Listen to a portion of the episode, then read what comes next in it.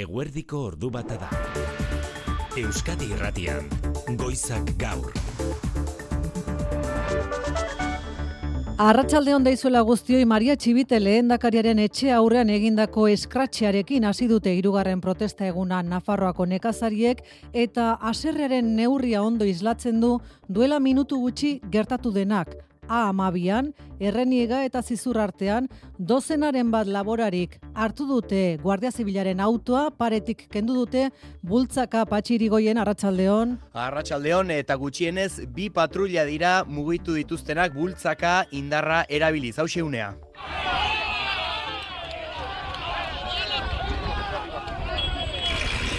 Duela minutu gutxi gertatu da nekazariek berek ohartarazpena egin eta gero patrullak lekutu ezean eurek mugiaraziko zituztela. Polizia kordoia behin atzean utzita orain zizurko bidegurutzen nagusian daude zenbait traktore A amabia eta A amabosta elkartzen diren puntuan. Han berriz ere Guardia Zibilak bidea moztu die helburua iruña erdigunera iristea da. Beraz, erreniega eta zizur artean A amabia moztuta, baina beste iruñeko sarrera zenbaitetan ere badira traktoreak une honetan. Udaltzaingoa jakinarazi du Zaragoza etorbidetik gora datozela hegoaldetik, baina sanduzelaitik Iruña iparmendebaldetik ere Nafarroa etorbidetik gora ere ilaran doaz. Azkenik erdigunera merindadesera iristea lortu dute traktore batzuk, baina be Nafarroa etorbidetik joan da poliziak itzulira, itzuli arazi die eta berriz ere iritik kanpora doaz. Gaur Iruñean espero da mobilizazio nagusia Iruñera sartzen edo saiatzen meintzat ari dira ordu honetan, hori Iruñerrian baina gaur aipatu behar dugu eta berritasuna da baita ere bidea moztuta dugula mendialdean Zumbila eta Legasa artean N eunta hogeita bat A errepidean lehen aldiz atera baitira nekazariak bertan ere. Arabako nekazariek atzo lakuara jaularitzaren egoitza atarira eta gaur legebiltzarrera eraman dute protesta. Eunen bat elkartu dira, legebiltzarreko esira gerturatu ere egin dira, baina ertzantzaren dispositibo oso zabalarekin egin dute topo. Giovanni Anselmo. Ezin dugu une honetan e, korte hori entzun, saiatuko gara geroxiago, Nafarroako gobernuak eta Arabako foru aldundiak bilerak agindu dituzte nekazarien ordezkariekin biharko. Eguneko beste lerroburuetan, inigo alustiza, arratsaldeon lege biltzarrean eguneko larogeita biti gorako babesarekin onartu dute gaur, behin betiko, transizio energetikoaren eta klima aldaketaren legea. Jeltzalek, sozialistek eta EH Bilduk eman diote baiezko egitasmoari, besteak beste jaurlaritzak legez bidera dezan urtero klima aldaketaren aurkako borrokara aurrekontuaren euneko biterdi, desinbertsioa sustadezan erregai fosilekin lotutako egitasmoetan eta berriztagarrientzako azpiegiturak jartzen dituzten enpresek berriz, kanona ordaindu dezan ordaindu dezaten urtero. Elkarri besarkada emanda ospatu dute legearen onarpena Arantxa Tapia jaurlaritzako ingurumen sailburuak eta EH Bilduko Mikel Oterok. Ospakizunerako eguna izan daitekela Euskadin. Lehen legea zentzu honetan guztiok implikatuta behar gaituen lege bat. Honen aurrean bi aukera zeuden, gehien gozoa izango luken testu txar bat errefusatu, edo lan buzoa jarri eta eskaintza politikoa bat egin. Makina erramintaren sektoreak marka hautsi zuen iaz, 2.000 milioi euro baino gehiagoko salmentak eginda aurreko urtea baino uneko amazazpi gehiago. Sektorearen merkatu indartsuenak, estatu batuak, Italia, Txina eta Mexiko izan dira 2000 eta hogeita iruan urte askotan, ba bezero nagusietakoa izan den Alemaniaren gainetik. Aurrera begira baikor agertu da, AFM, makina errementako fabrikatzaileen Espainiako elkartea, urtea moterixa marrasi badut ere, bigarren seilekoan erritmoa berreskuratzeko itxaropena baitu dute eskari zorroa iaz euneko amabi handitu zutela kontuan hartu. Xavier Urtu eta AFM makina erramintako zuzendari nagusia gurekin espero dugu koiza gaur arratsaldeko ordu bietatik aurrera. Gazan Israelek zueten erako aukerari atea itxi ondoren, armadak eunda hogeita mar palestinari litu azken orduotan. Eta Israelen aurkako tonua gogortu du Antoni Blinken estatu batuetako estatu edazkariak. Israelis were dehumanized on October 7th. The hostages have been dehumanized every day since. Blinkenek adierazi du Hamasek urriaren zazpian egindako erasoek eta baiketek ez diotela Israeli eskubiderik ematen beste inori gizatasuna kentzeko. Gasteizen, Tubisako autobus zerbitzuetako langileak greba mugagabea egitera deitu dituzte sindikatuek, etzitik larun batetik aurrera, beraz, hartu kontutan, tubizako erabiltzaile baldin bazarete, bestela errepidesaren nagusian une honetan, egoera zein da Euskal Autonomia Erkidegoan, nain zauzti? Barreta eskatzen du segurtasun zaiak guardian logroñorako bidean, bi bilgailuk txapa istripua izan baitute, a, a eunda hogeita lau errepidea da, estua oso eta beraz, arreta binora bidetan. Tolosan, lainoa bai baina ateri eutxi dio eguerdian inauteri hasiera emateko txupinaren uneak, txaranga egia esan tolosako kaleetan urte osoan zehar entzun liteke, baina inauterietan bezaino zen, sekula ez igotzalkorta aurrera.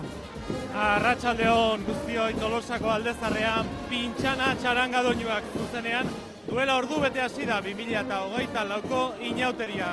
Ostegun gizen, txilaba kolorez eta parrandarako gogoz heldu zein gaztetxo ugariz, hasi da festa eta ez da etengo austerre eguner arte, aste azkener arte. Tolosara etorri behar duten guzti guztientzat mezu hau utzi du Andu Martinez derrituerto alkateak. Ba, ilusioa ekar dezatela, ondo pasatzeko gogoa eta batez ere denok ondo pasa ezagun, ba, ba denok elkarri ba, errespetatzea. Ohar bat kanpokoentzat, Tolosan gaur txilabaz edo bestelako kolorez jazteko eguna da, baina mozorroak igandetik aurrera hasten dira. Inauteriak martxan. Berriz ere egingo dugu zurekin bate albistegia maitu aurretik igotz. Ondo pasa bien bitartean gero arte bai. Jaion emunarriz, ez, eguzkin iturriotz, Euskalmet, Arratxaldeon. Arratxaldeon. Nola datoz urrengo orduak eguzkine utxiko aldi bateri? E, bueno, baliteke, arratsalde partean hemenka zaparradaren bat edo beste botatzea, baina azpimarragarriena ez da euria izango, baizik eta aizea zedatozen orduetan ere ego mendebaldeko aizeak gogor jarraituko du jotzen, bereziki mendebaldean. Eun eun hogei kilometro ordutik gorako aize boladak neurtu ditugu eta oraindik ere izan ditzakegu eta hori aizegunetan eta gainerako tokietan ere ba, larogei kilometro ordutik gorako aize boladak e, zerua esan duguna nahiko gris ikusiko dugu eta baliteke ba tanta batzuk edo zaparrada batzuk botatzea. Haizearen eraginez datorren gau ere pela izango da oso, batez ere kantaru isurialdean baliteke temperatura 16 edo 17 gradutik ez jaistea. Eskerrik asko eguzkine. Bai, gero arte. Jose Maria Paula Arratsaldeon. Arratsaldeon maite. Futbol kopan Atletikek eta Realak urrats sendoa eman dute finalari begira. Baina ikusten dugu zuhurtzia. Zuhurtzia eta hankak lurrean Euskal Herriko futbolak ala ikusten du geroa Espainiako kopan.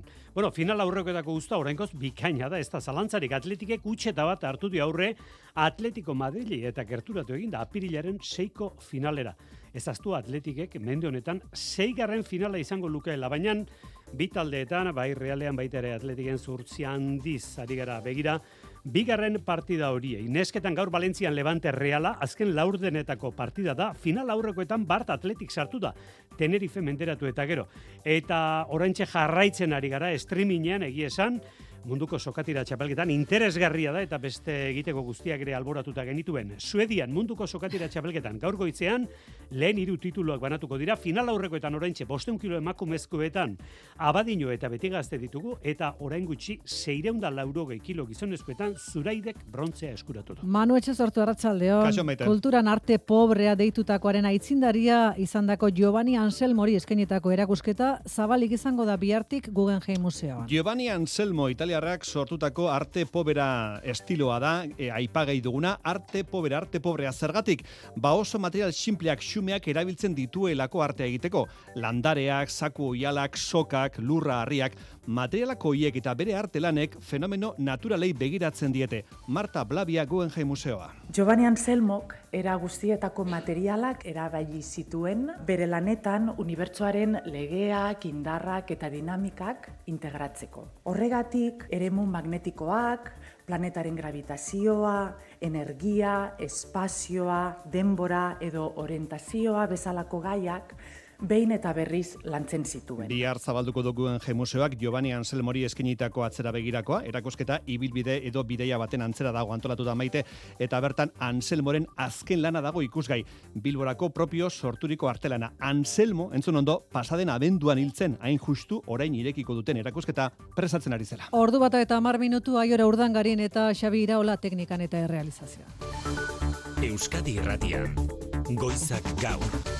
Maite Artola. Iruñeko ia sarbide guztietan daude ordu honetan trafiko eragozpenak, Iruñeko udaltzainak jakinarazi berri duenez, baserritarren protestengatik goizean zehar tentsio une bat baino gehiago izan dira azkena kontatu dizuegu, sarreran zizur inguruan, baina ordu honetan momentuz gaztelu plazan, inguru horretan, egoera lasaia da, Aitor Perez Arratsaldeon.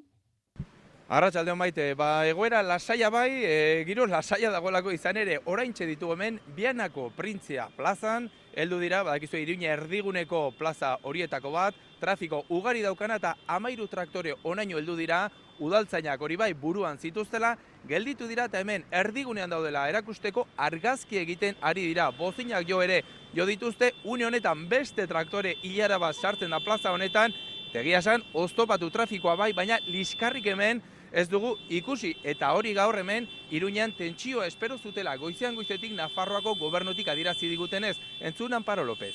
Pues tenemos más de 160 patrullas, hoy especialmente con la Policía Municipal de Pamplona, porque se prevén unos desplazamientos importantes. Zabala prestatu dutela esan du eta aipatu gisa, arreta bereziki Iruñan zegoen izan ere gaurkoan ba, traktoren etorrera handia espero zuten. Ordu honetan, esan bezala, hemen arazo ba, gutxi batzuk bai, baina iruñiko beste sarrera batzuetan ere izan dituzte o daude arazoak arostegi etorbidean lizarratik etorrita zizurren Guardia Zibilaren kontrola gainditu duten traktoreak ari dira, antza horrere blokeatuta dituzte. Beraz, mobilizazioak orokortzen hasi dira, izan ere, iparraldean ere, jakin dugu zunbila eta artean atera direla nekazariek. Bitartean, UAGN, N eta UKAN sindikatuak, WhatsApp taldeen bitartez antolatu diren mobilizazio horiek bideratzen saiatzen ari dira. Batera joatea ezinbestekoa ikust, joatea ikusten duten nekazariek.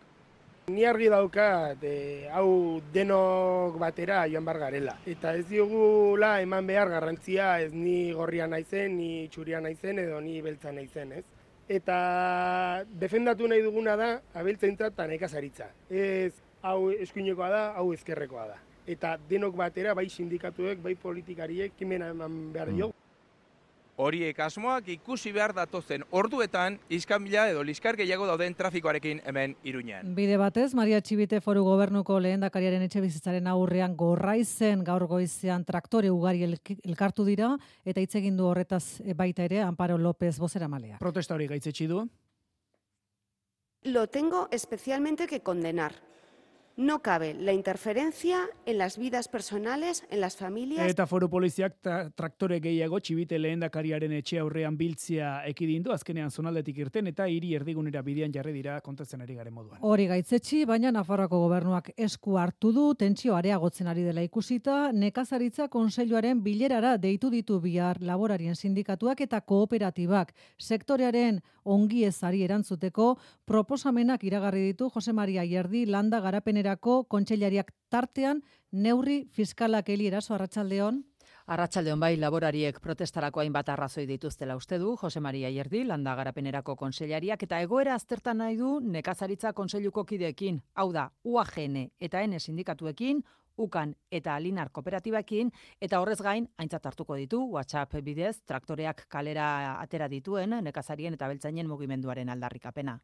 El sector ha respondido porque efectivamente vive una situación complicada y en este sentido esa situación no va a cambiar si no somos Bere capaces eskumenen baitan lehen sektoreak bizi duen egoera zaila leuntze aldera foru gobernu hasia da fiskalitatean diskriminazio positiboa sartzeko neurriak lantzen. Bilege proiekturekin despopulazioari lotutakoa bat eta landa garapenaren ingurukoa bestea analizar el conjunto de la cadena, no solamente la primera parte. Gainera, aierdik elikagaien kate osoaren kontrola zorrozteko premia ikusten du lehen kate begitik, ekoizletatik, azken eraino, saltoki handietaraino. Nekazariei ordaintzen zaien prezioa eta konsumitzaileok ordaintzen dugunaren artean, gainbalioak gehiagizkoa ote den atzemateko, horiek biharko kontseiluraren bilerara foru gobernuak eramanen dituen proposamena. Atzo lakuara jaularitzaren egoitzatarira gaur legebiltzarrera eraman dute aserrea arabako nekazariek eta beltzainek eunen bat elkartu dira mobilizazioen irugarren egunean. Legebiltzarraren esira gerturatu dira baina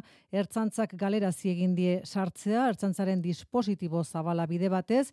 Eguerdirako amaituta zegoen protesta hori baina bihar traktorekin foru aldundiaren aurrera joango direla ohartarazi ostean Ainara Rubio Arratsaldeon. Arratsaldeon tentsiouneak bizi izan dira bai Eusko Legebiltzarraren aurrean nekazari batzuk esira gerturatu eta ertzaintzak hori galarazi duenean zintzarriak eskutan bi ordu terdi iraundu bilkura zaratatxuak. Egunotan traktoreak errepidera ateraz egin duten moduan lehen sektorea hilzorian dagoela salatu dute berriro argi utziz horrela tratatuak direnaren ez direla kriminalak eta protestekin jarraituko dutela. Ikusten duzue ba, nekazari abeltzo inon artean oso batuta gaudela eta ba, kasu egin beharko digute ba, egoera okertuko delako.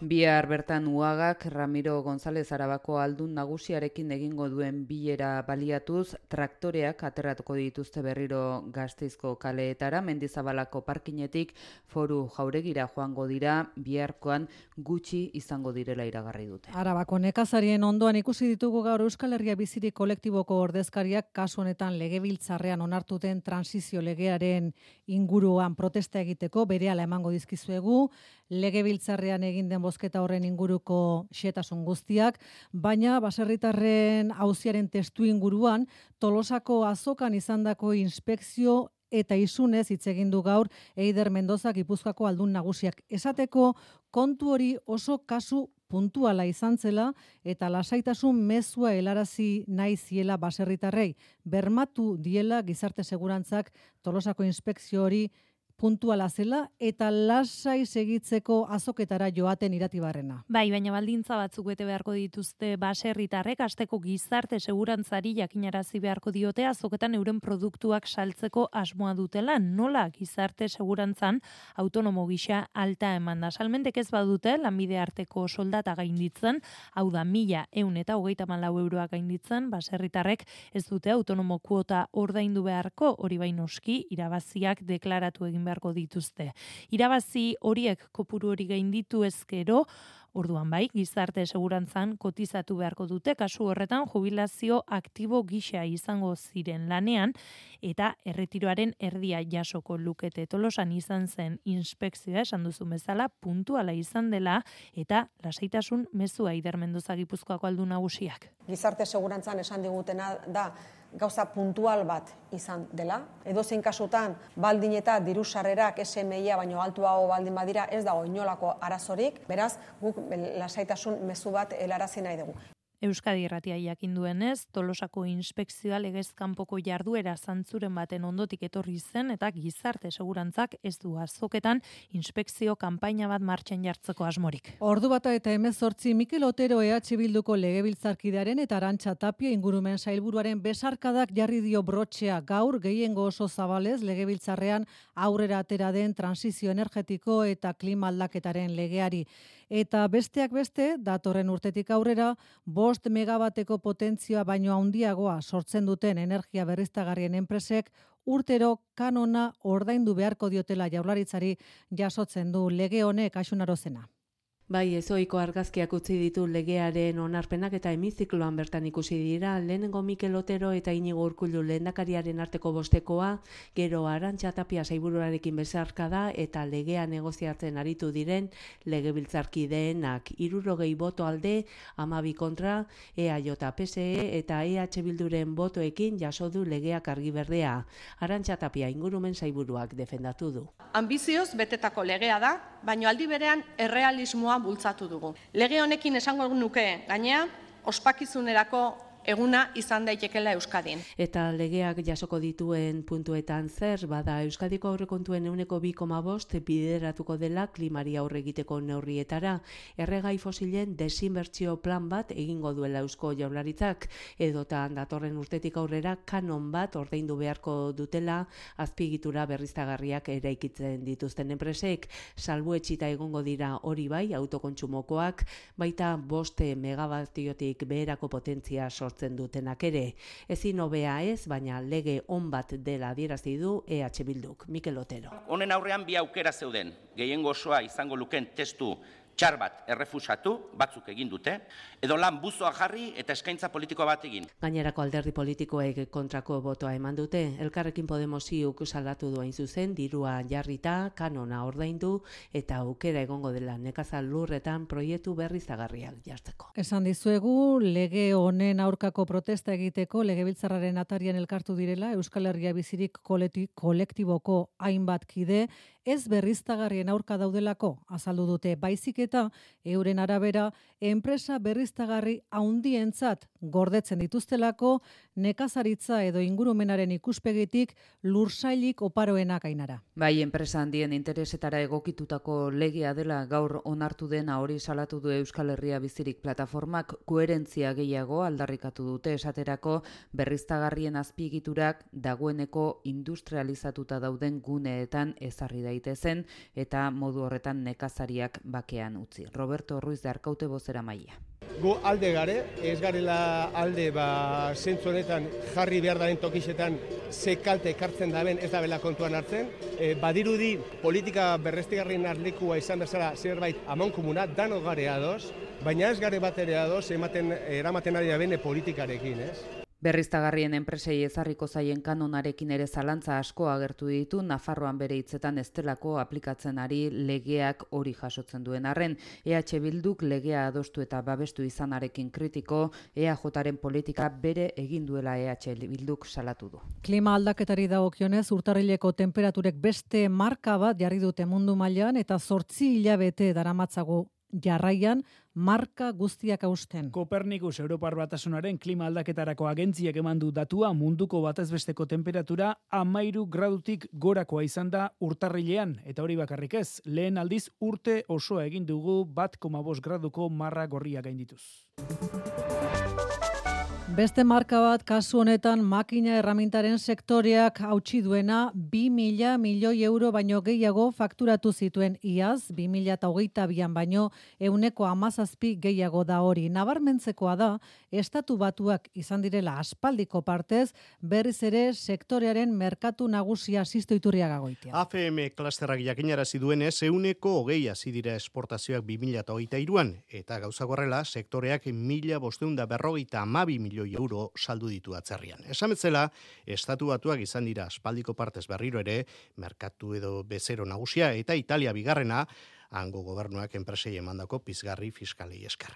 Klasterrak Mexikora egindako salmenten askundearen nabarmendu du, herrialde ura laugarren bezero nagusi bihurtu baitu urte askoan bezero nagusinetako izan den Alemaniak ordea atzera egin du zerrendan azken aldian bizi dituen zailtasunen eraginez. Azpi sektorei dagokienez deformazioak euneko hogeita masortzi onditu du bere fakturazioa eta euneko irurogeita lau esportazioak batez ere automozioaren sektorean egin diren inbertsioi esker. Aurrera begira jarrita, nahiko baiko ragertu da makina remintaren sektorea, eskari zorroa euneko amabi onditu baita 2008an aurrek urtearekin alderatuta horrek aurte fakturazioaren euneko bosko mazazpi inguruko askunde albidetuko duela aurreikusi du klasterrak eta batez ere bigarren seilekoan ditu jarrita itxarpenak. Ekialde hurbilean suetenaren aukera urrundu eginda Israelek jamasen azken proposamenari ezezkoa eman ostean. Bide militarra da Benjamin Netanyahu Israel gole ministroak egin duen autua eta Rafa iria dute orain jomugan horixe da errefusiatu palestinarren azken babeslekua dakizuenez eta izua zabaldu da Israelen balizko lur erasoaren aurrean. Bitartean, suetena lortzeko lanean jarraitzen dute bitartekariek landerra izagirre. Hamasen eskariek eta Israelen esesko irmoak duela amarreguneko posiziora itzularazi ditu bitartekariak. Estatu batuek, Katarrek eta Egiptok Parisen adostutako proposamena da oinarria eta diplomaziak bi fronte ditu gaurkoan zabalik bata Kairon. Hamasekin elkartu dira, Katar eta Egipto eta bestea Israelen zentroko eta oposizioko alderdiekin bildu baita Anthony Blinken estatu batuetako estatu idazkaria. Baituen askatasuna da honen lehentasuna, baina tonua gogortu du Israelen erasuen aurrean. Israelis were dehumanized on October 7th. The hostages have been dehumanized every day since. but that cannot be a license to dehumanize others. Urriaren zazpiko erazuek eta jamasen baiketek ez diote beste inor desumanizatzeko eskubidea ematen Israeli Blinkenen iritziz, The families in Gaza whose survival depends on deliveries of aid from eta. Gazako familien aurrean giza ikuspegia ez galtzeko eskatu du, baina aldaketa hori ez da iristen bertan bizi diren herritarrengana. Izan ere azken egunean beste eun eta hogeita mar pertsona hil ditu Israelgo armadak eta begi guztiak Rafara begira jarrita daude, Israelen lur inbazioa noiz hasiko zain. Ordu bata eta hogeita bost, Kantabrian Castro Urdialesen izandako gertakariaren arira ustez, amail duten amairu eta amabost urteko bi anaiak atxilotu dituzte Xabier Urteaga. Bai, amairu urteko adin txikikoen zentro batean sartu dute eta amabost urtekoa adingaben fiskaltzaren aurretik igaroko da datozen orduetan. Berrogeita zortzi urteko emakumea auto baten barruan aurkitu dute bart, hilda indarkeria zantzuekin. Bisemeak desagertuta zeuden atzo iluntzetik eta amonak bietako batekin telefonoz hitz egin ostean Guardia Zibilari abisua eman zion, goizaldean aurkitu dituzte eta atxilotu parke batean. Aita laudioko lantegi batean ari zen lanean gaueko txandan. Kastroko alkateak esan du, etzegoela, bian haien inguruko salaketarik gizarte zerbitzuetan, ama katekista zela azaldu du, bi mutikoak Errusian adoptatu zituen bikoteak.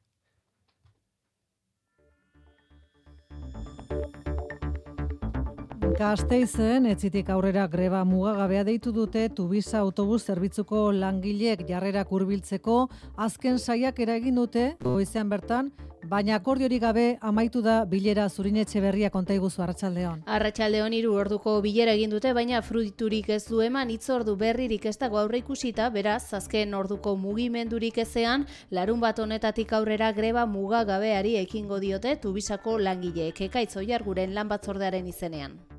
Ez dago beste bilarik aurre ikusita, eta aldarrikapenak hor daude, alternatiba jarri ditugu mai gainean, akorde bate izen alegindu gara, baina ez da posible izan. Ikusiko dugu dalak eh, gaur eta larun batera arte eh, beste pausur mate ematen duen, baina larun batean eguardiko ordu bietatik aurrera, greba mugagabera deituta dago tubiza, Nagusiki garabiaren privatizazioaren eta fitxaketa sistemaren puntuak dira desadostasunaren oinarri.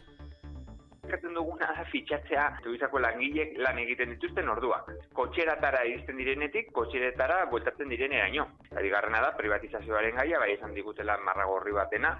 Gaurko bilera bukatuta udalak ez du baloraziorik egin nahi izan.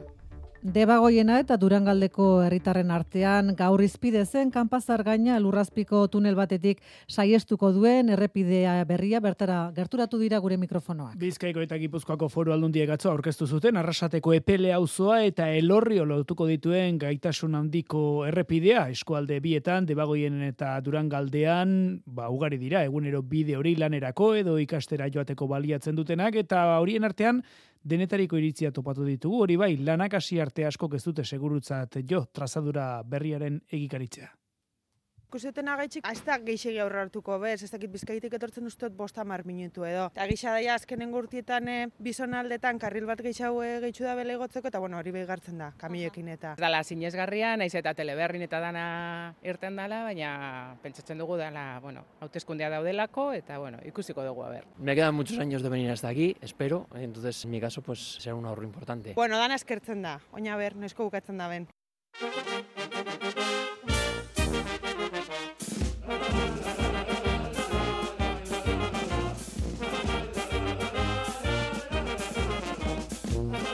Ez dakigu paso eman edo saltoka hasi Gotzalkorta Tolosa Arratsaldeon.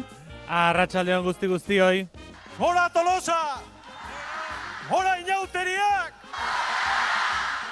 Aurten azken aldiz, Patxi Amianok eh, egin duen hitza txupina bota aurretik, kabialai elkarteak hartzen du udalbatzaren ardura simbolikoki, Patxi Amianok izan du alkate papera mila bederatzen da larogeita maikatik gaur arte inauterietan, aurten azkena du, baina esan digu ez dela erabat erretiratuko.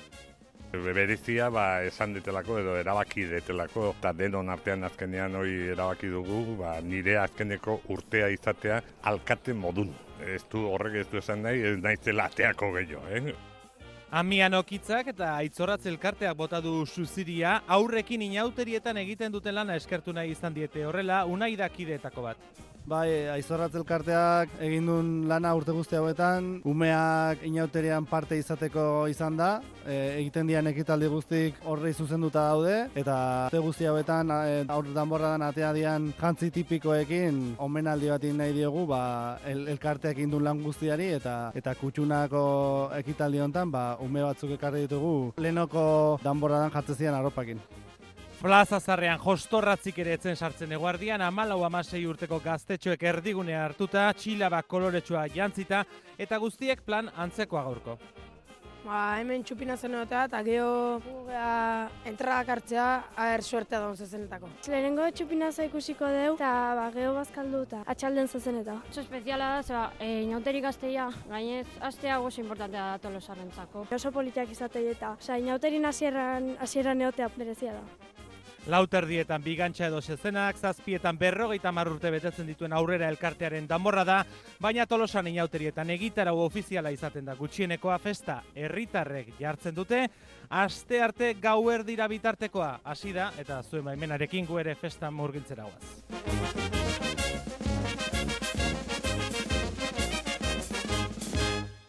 Ordu bat aterdiak.